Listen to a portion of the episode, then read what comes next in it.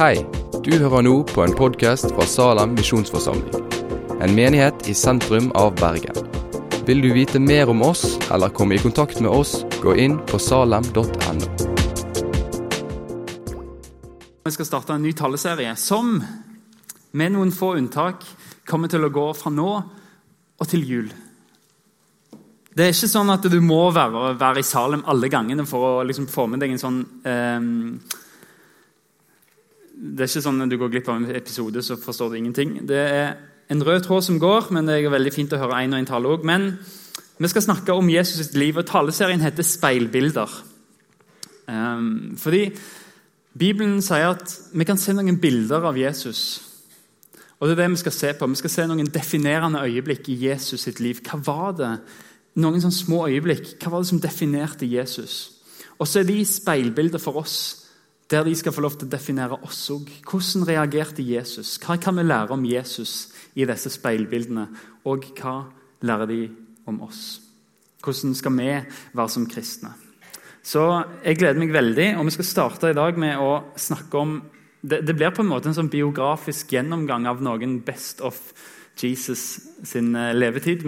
Den kunne hete 'The Wonders of His Story', men eh, det var engelsk, ikke norsk. Eh, men det er poenget. Å gå litt gjennom som biografisk Jesus, og hva sier Bibelen om han, og hva sier de tekstene om oss. Men vi skal begynne med å be for, for dagen. Herre Far, takk for dette fellesskapet. Takk for at vi kan få komme sammen og få feire at vi er søsken, få feire at vi har et fellesskap, at du har gjort oss til dine barn. Jesus, så ber jeg eh, om talen nå. Den, de neste minuttene vi skal sitte og høre. Jesus, jeg ber om at, eh, at du kan gi oss en ånd som gir visdom og åpenbaring, sånn at vi lærer deg bedre å kjenne. Gi lys til våre hjertes øyne, sånn at vi kan få innsikt i det håp som du kaller oss til, og hvor rik arven er for oss som tror. Jesus, jeg ber for alle som er på besøk, som ikke er kristne. Jesus, jeg ber om at eh, de òg kan få en god opplevelse og kunne forstå hva vi snakker om her. La meg få snakke på en måte som er forståelig. Herfra så ber jeg om beskyttelse for Bergen denne uka. her. Du ser alle de tusenvis av menneskene som kommer til Bergen og skal se Bergen på TV. Jesus, jeg ber om beskyttelse over sykkel-VM. Gi visdom til politi, til vektere og til alt sikkerhetspersonell Jesus, til å håndtere alt som skjer, på en god måte. Må det beskytte arrangementet, og la det få være glede. La det få være feiring av livet, og la det få være godt være Jesus. Det ber vi om i ditt navn. Amen. 2000 år siden så, så var det noe som skjedde i Israel. Jordandalen. En sånn øde plass. 400 meter under havet. Helt øde. Det er kun ei elv som renner. Ingen bor i Jordandalen. Iallfall ikke på den tida. Det var ødemark. Men det var noe som skjedde med at tusenvis av mennesker trakk ut i jødemarka der for å se noe. For å se Det var noe som skjedde. Den magneten som trekker folk, det er døperen Johannes. Blant venner kjent som DJ. Og der begynner dere å glede dere til standup-showet vi skal ha. Sant? Han var en hippie som spiste villhonning. Og Så tenker du aha, villhonning, dette var sikkert historiens første veganer. Men nei, han, var god, han likte veldig godt en sånn god kamelburger, for han gikk med ei kappe av kamelhår. Og så spiste han gresshopper og hadde et lærebelte om livet, så ikke en pelsmotstander der. altså. Men Johannes han er ikke bare hippie. Han er en god forkynner. Han snakker om synd. Han tør å snakke om synd, at mennesker er syndige. Men han snakker om det på en sånn måte som overbeviser så mye at mennesker begynner å omvende seg. Det vil si snu vekk fra synda si og si 'dette jeg gjør, det er galt'. Og så blir de døpt. Johannes støyper dem for å vaske av dem all synd. Og Ryktet om døperen Johannes det går. Det går rykter i hele Israel. bare, Du må bare høre døperen Johannes på podkasten. Bare så bra. Du må laste ned boka hans på Kindle eller på Amazon. Kjempebra. So worth it. Men Dette var før kassetten, men ryktene gikk. Ryktene gikk faktisk helt til Nasaret. Og meanwhile i Nasaret, litt lenger nord, så står det en gutt på 30 år. Jeg kaller han gutt fordi jeg er 32, så jeg har litt lyst til å være gutt ennå. Men det står en mann der på 30 år. Jesus. Til nå har han vært tømmermann hjemme hos pappa i bedriften til far. Han står i verkstedet, og han hadde stadig vekk folk innom som sa nå Jesus, nå må du også stikke til Johannes. Han, han er bare en så fantastisk forsyner. og Jeg ble døpt og jeg ble rensa. Det føles så utrolig bra. Og Han snakker om at Messias kommer snart. Og det var faktisk sånn at Jøder på den tida de døpte seg ikke. Det var kun ikke-jøder som døpte seg hvis de hadde lyst til å bli jøder. Det vil si at Hedninger som døpte seg, de kunne bli jøder. Men jødene de tenkte nei, nei, vi er ikke syndige, vi trenger ikke døpe oss. Men det som skjedde nå var at jødene begynte å døype seg. Jødene begynte å innse at de var syndere som trengte å bli rensa. Og da vet Jesus at nå er tida inne. Nå er tida inne for å gå fra verkstedet. Og så gjør Jesus noe. Han tar hammeren, som han har vokst opp med de siste 18 åra. Har han vært lærling hos far sin og han vært tømrer. Så tar han hammeren, legger han på hylla. Og så tar han spikrene, legger de på hylla. Og så forlater han verkstedet, vel vitende om at dette er siste gang han går for verkstedet. Og nå skal han ut på det oppdraget som Gud har sendt han til jord for å gjennomføre. Og Jesus vet faktisk det at neste gang han er i kontakt med en hammer og med spiker, så er det fordi han blir hengt opp på et kors.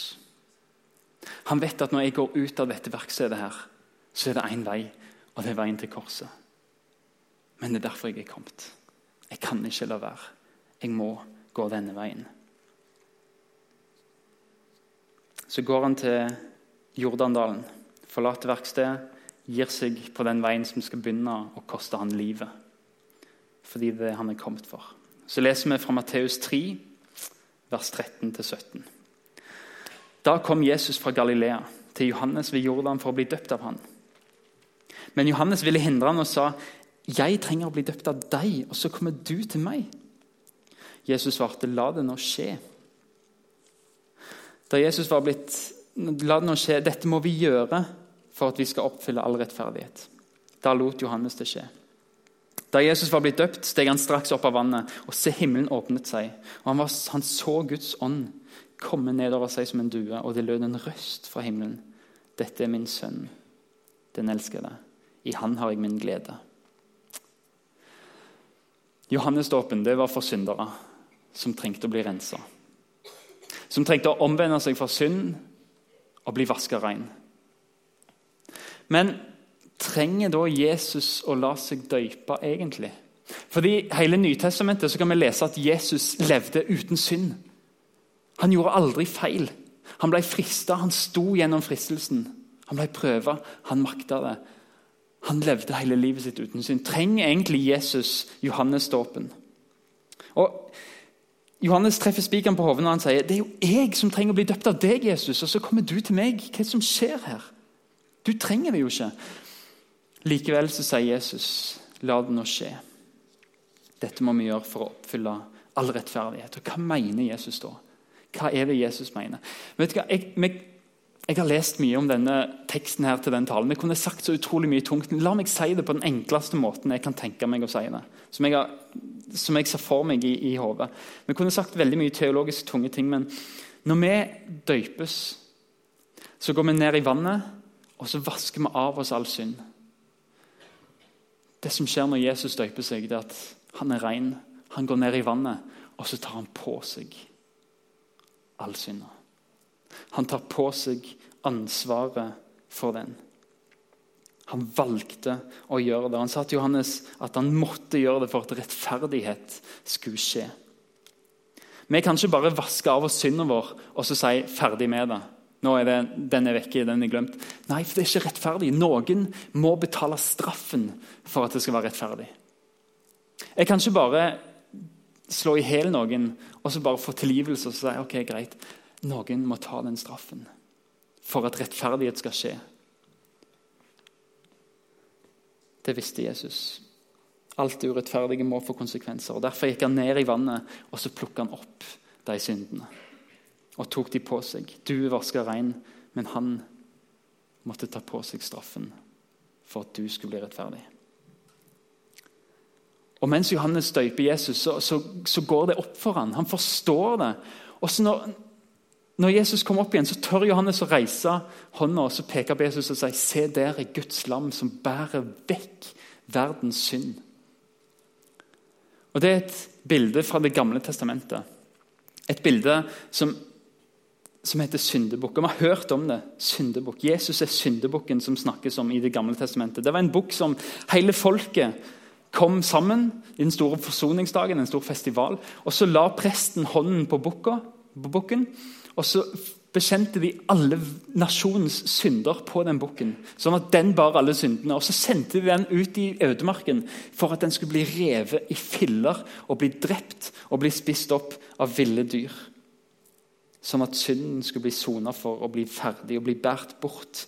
Og Når Jesus støyper seg og gjør det frivillig, så sier han jeg er denne syndebukken. Nå tar jeg på meg all synd. Jeg går ut i ødemarka. Det gjør han rett etter dåpen. Så går jeg går ut i ødemarka. Jeg skal ta bort denne synda.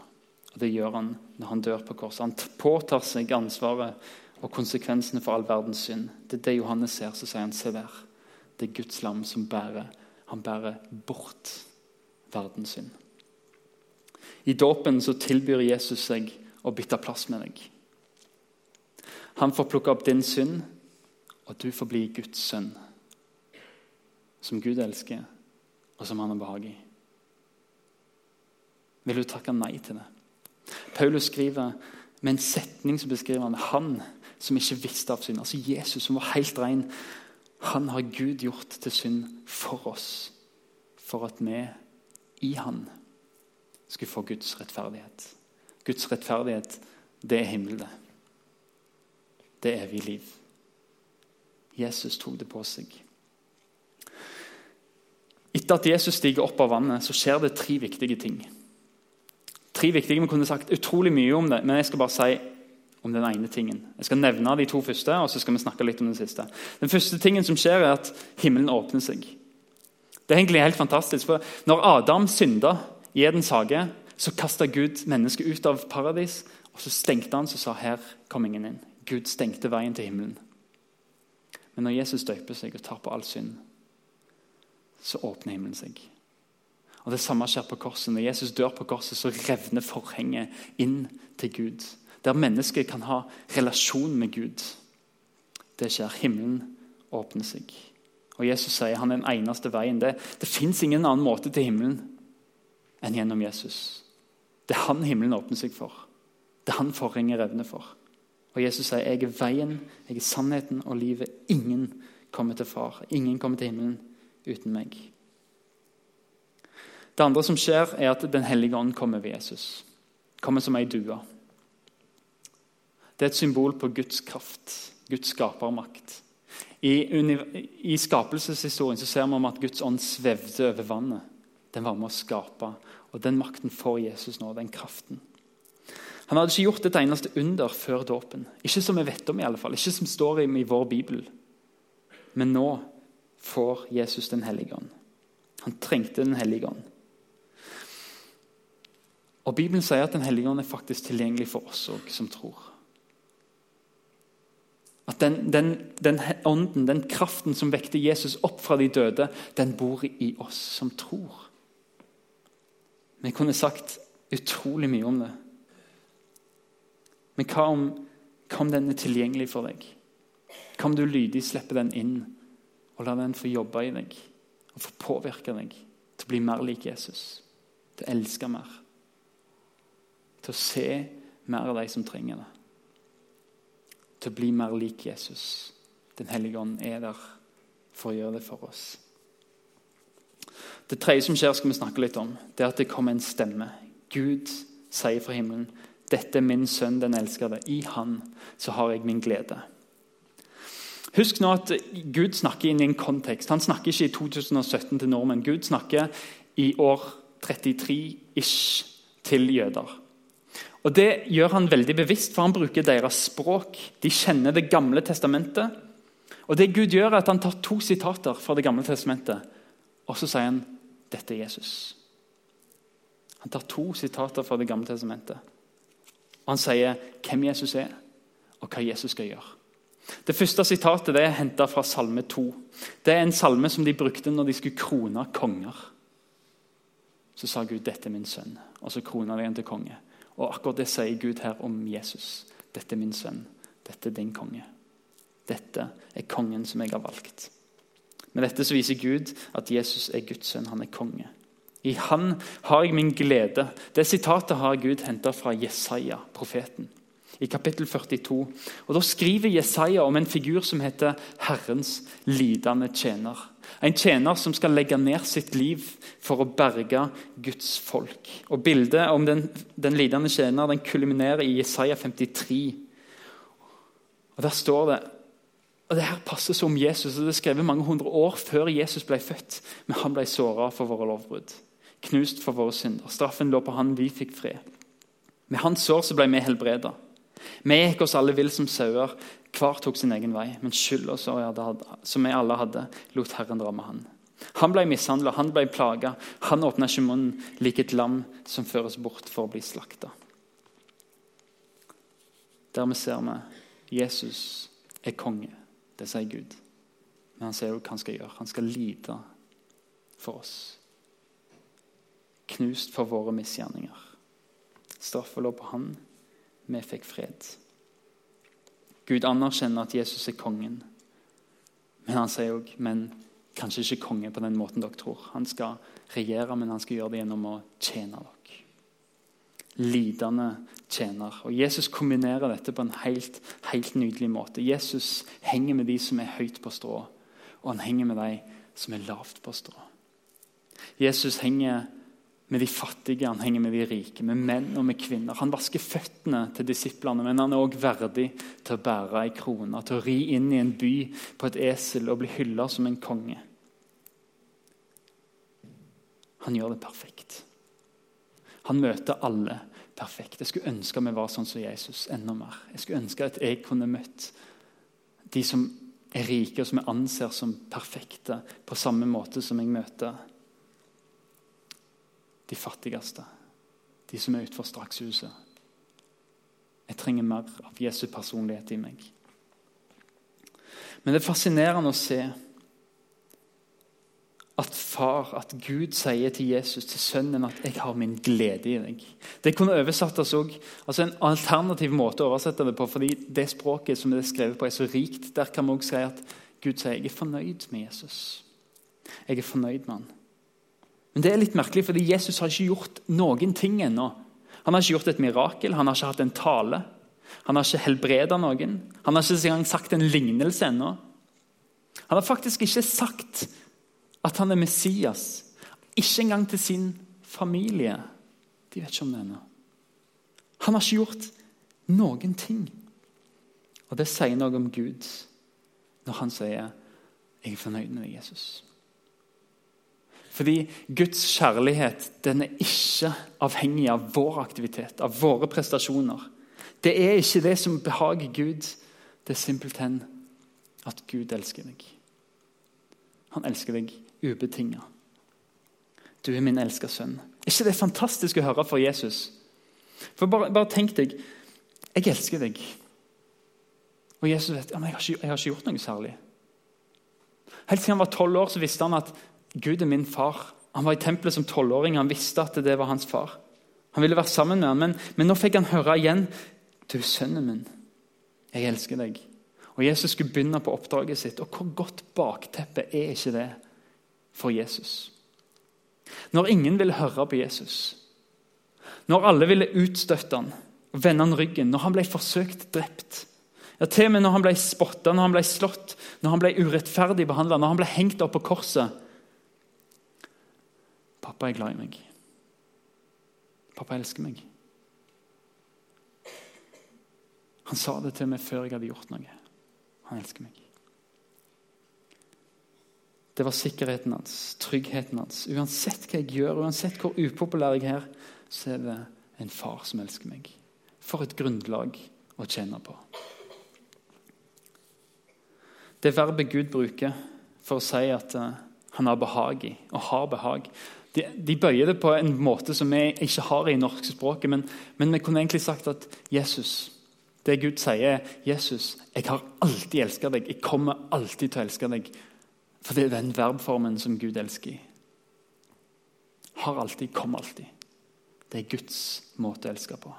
Det er den verbformen han elsker. Det er ubetinga kjærlighet. Og Gud er fornøyd med Jesus. Tenk å få høre det. Jeg elsker deg. Jeg har behag i deg. Jeg er fornøyd med deg. Jeg tror vi lever i et samfunn der vår generasjon er sultne på å høre om ubetinga aksept og ubetinga kjærlighet. Vår generasjon, vi lever i et samfunn der vi blir målt på absolutt alt. Og så knytter vi med vår prestasjon opp mot vår identitet og tenker det jeg gjør, det er jeg. Og så er det mange som jeg vet, som kjenner og føler på at idet jeg ikke greier å prestere, så mister jeg all menneskeverd. Når jeg ikke greier å bidra i samfunnet, så er jeg ingenting verdt. Det er ingen som syns jeg er noe. Og Jeg tror at mange av dere opplever å bli kvalt av krav og kritikk. Mange av dere blir kvalt av ekstern krav og prestasjonskrav. Der som folk sier jeg 'håper at du greier dette, jeg forventer det'. Om de ikke sier det, så lever de i alle fall som om de forventer det. Og Noen av dere har et internt forventningspress der dere håper tenker jeg skal leve opp til dette. Jeg skal være en sånn perfekt. Resultater skal måles og veies. Strekker du til? Yter du nok? Leverer du det vi forventer? Hvem spiser minst av oss? Hvem trener mest? Hvem har den beste kroppen? Hvem har reist til det mest eksotiske reisemålet? Gir du nok valuta for pengene tilbake igjen til samfunnet? I form av toppkarakterer, i form av nytteverdi? I Norge så tar ca. 50 personer selvmord hver eneste måned. Når jeg leste det, så tenkte jeg sannsynligvis jenter. Men den største gruppa blant selvmordstallene, det er faktisk unge menn. Og den vanligste dødsårsaken for folk under 25 år, det er selvmord. Vi tenker ofte ok, men det har med psykiske sykdommer å gjøre. Men over 40% av de som tar sitt eget liv, de er helt friske. I hodet og i kroppen. De er helt, helt friske. Og de er gjerne høyt presterende mennesker som stiller altfor store krav til seg sjøl. Eller får altfor store krav. De er suksessfulle, og så har de samtidig en skjult sårbarhet. For oss kan det av og til oppleves som om terskelen for oss lykkes blir høyere dag etter dag etter dag. Det er et konstant jag etter perfeksjon som er normalen for deres aldersgruppe. Vi kalles generasjon prestasjon. Det har dere kanskje hørt.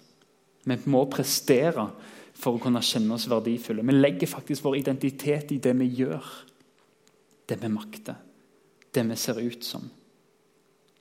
Og så er det en løgn som blir fortalt oss av hele verden. En løgn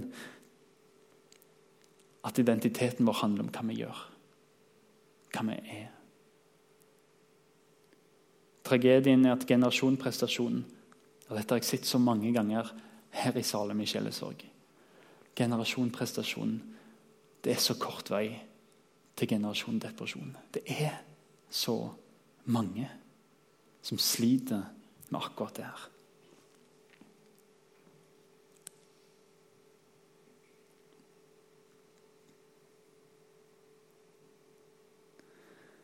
Vi fikser ikke livet etter alle de høye kravene. Prester hele tida, møt forventningene, ligg under presset. Vær god nok, se bra nok ut, si det rette, gjør det kule. Det er ikke rart folk blir deprimerte og slitne, utbrente og gir opp. Og så er det vanskelig å snakke om fordi du har ingen arr å vise fram. Du har ingenting Se her hva som skjedde. Du har ingen operasjonsarr. du har ingen diagnose. Du gjemmer deg, du gråter i stillhet. Når natta kommer og kvelden kommer og du skal sove, så kommer angrepet på selvtilliten. Og Du prøver alt du kan til å leve opp til en standard for å føle deg mer verdi, men, men du er sliten. La meg si handlingene, ordene og prestasjonene våre i seg sjøl, blir aldri nok for at vi skal bli fornøyde. Aldri. Vi makter ikke å prestere oss til å være verdifulle og til å være trygge. Og jeg vet hvordan du har det. Hvis du kjenner at denne beskrivelsen treffer deg.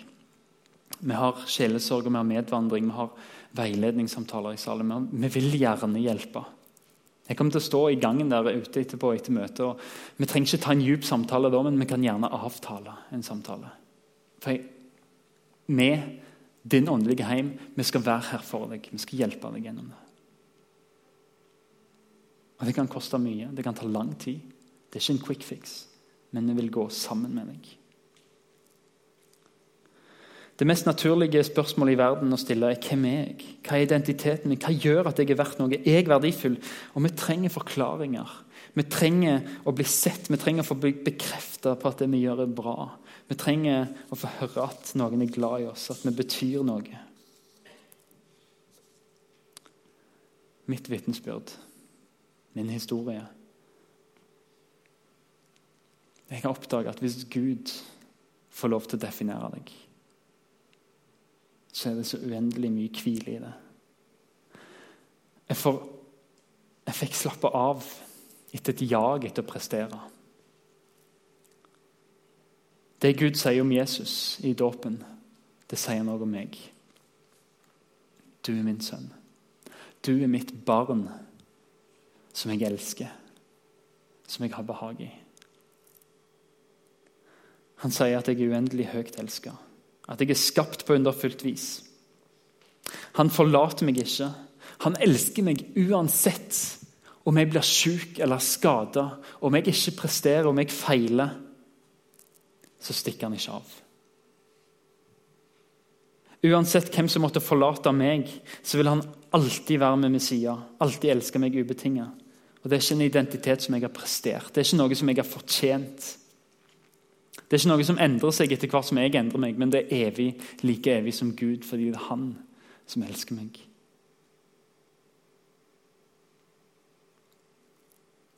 Da vet jeg at jeg ikke blir knokket, for jeg får hvile i at Gud har sagt noe om meg. Gud har sagt at jeg er verdifull.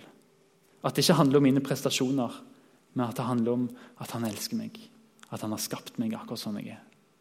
Han ville meg, min personlighet mitt utseende. Han tenkte på det, han ville det, han skapte det. Han elsker meg, og det samme gjelder meg. Det gir meg hvile. Jeg er skapt, jeg er elska, jeg er skapt i Guds bilde. Jeg er simpelthen verdifull fordi Gud sier det. Ikke noe jeg gjør, noe Gud har gjort. Han har skapt meg. Det gir hvile, og det gir fred. La det få være sannhet som definerer ditt liv òg. Tal den sannheten til deg sjøl når du kjenner deg mislykka, og du kjenner at sjøltilliten er vekke. Så tal den sannheten til deg. Gud elsker meg. Jeg er skapt i Guds bilde. Faktisk så er det en sånn treningssak der vi må trene oss på å minne oss sjøl på det.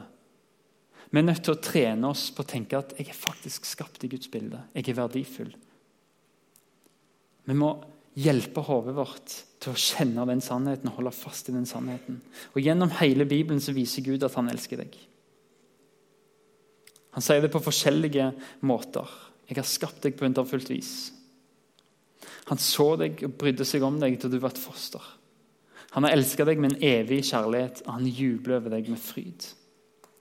Når Gud får fortelle deg hvem du er, da slipper du jakten etter å alltid være penere, alltid mer populær, alltid ha mer penger, oppleve de riktige og de viktige tingene. Når Gud får definere deg og si at du er bra nok, jeg elsker deg, så er det nok i massevis. Og så slipper du Fri fra alt det som binder deg. Fri fra jag og fra stress. Du får hvile i at jeg er god nok fordi Jesus har skapt meg. Og nå sier Herren, står det i Isaiah 43. Og nå, sier Herren, som skapte deg, Jakob, som formet deg, Israel, vær ikke redd. Jeg har løst deg ut. Jeg har kalt deg med navn. Du er min. Uansett hvordan du føler deg, så hører du til en plass. Du hører til hos Gud. Lovsangsteamet skal få komme opp, og vi skal få synge en sang om dette. Men jeg vil bare si at Gud stopper ikke med å si at du er verdifull, og si at han elsker deg. Guds kjærlighet handler ikke om noe føleri. Det handler ikke om ord, det handler om gjerning. Det handler om at han viser deg hvor høyt han elsker deg. Og Han elsker deg ikke bare her på denne jord mens du lever. Gud utvider verdien din og sier jeg elsker deg faktisk så mye at jeg er villig til å gi deg et evig liv. Koste hva det koste vil. Og I evangeliet, når Jesus lever, så ser vi at Gud gjør noe større med vår verdi. Han viser oss hvor verdifulle vi er. Vi oppnår ikke det gjennom våre prestasjoner eller sosiale roller eller gjennom å makte å leve opp til en moralsk kode eller til en religiøs standard eller gjennom suksess og status. Det oppnås ved at Jesus konkretiserer sin kjærlighet for deg og sier jeg elsker deg så høyt at jeg er villig til å gå i døden for deg. Dø for din skam og din synd, sånn at jeg tar den straffen for dine feil og mangler. Se her, sier han, og så gir han oss dåpen så sier han, vask av alt. Synd og skam. Til med dårlig skyldfølelse, dårlig samvittighet, dårlig selvbilde. vasket av deg. Se hva jeg gjør. Jeg tar det på meg. Og når jeg spikrer det på korset, så er det vekke for alltid. Og så er det dere to. Det er den ultimate anerkjennelsen. At Gud gjør oss til sine barn gjennom at vi i troen på Han får bli arvinger til Guds rike arvinger til Jesus som er kongen. En arving til en konge.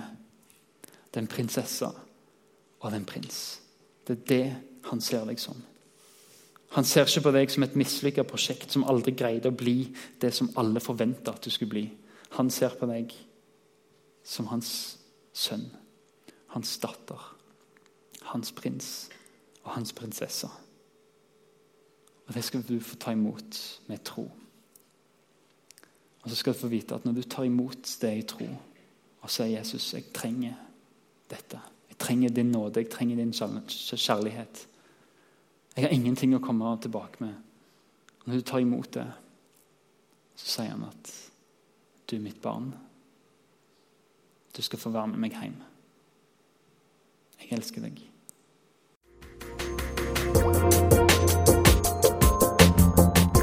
Takk for at du har hørt på podkasten fra Salem, Bergen. I Salem vil vi vokse i et stadig dypere fellesskap med Gud og med hverandre.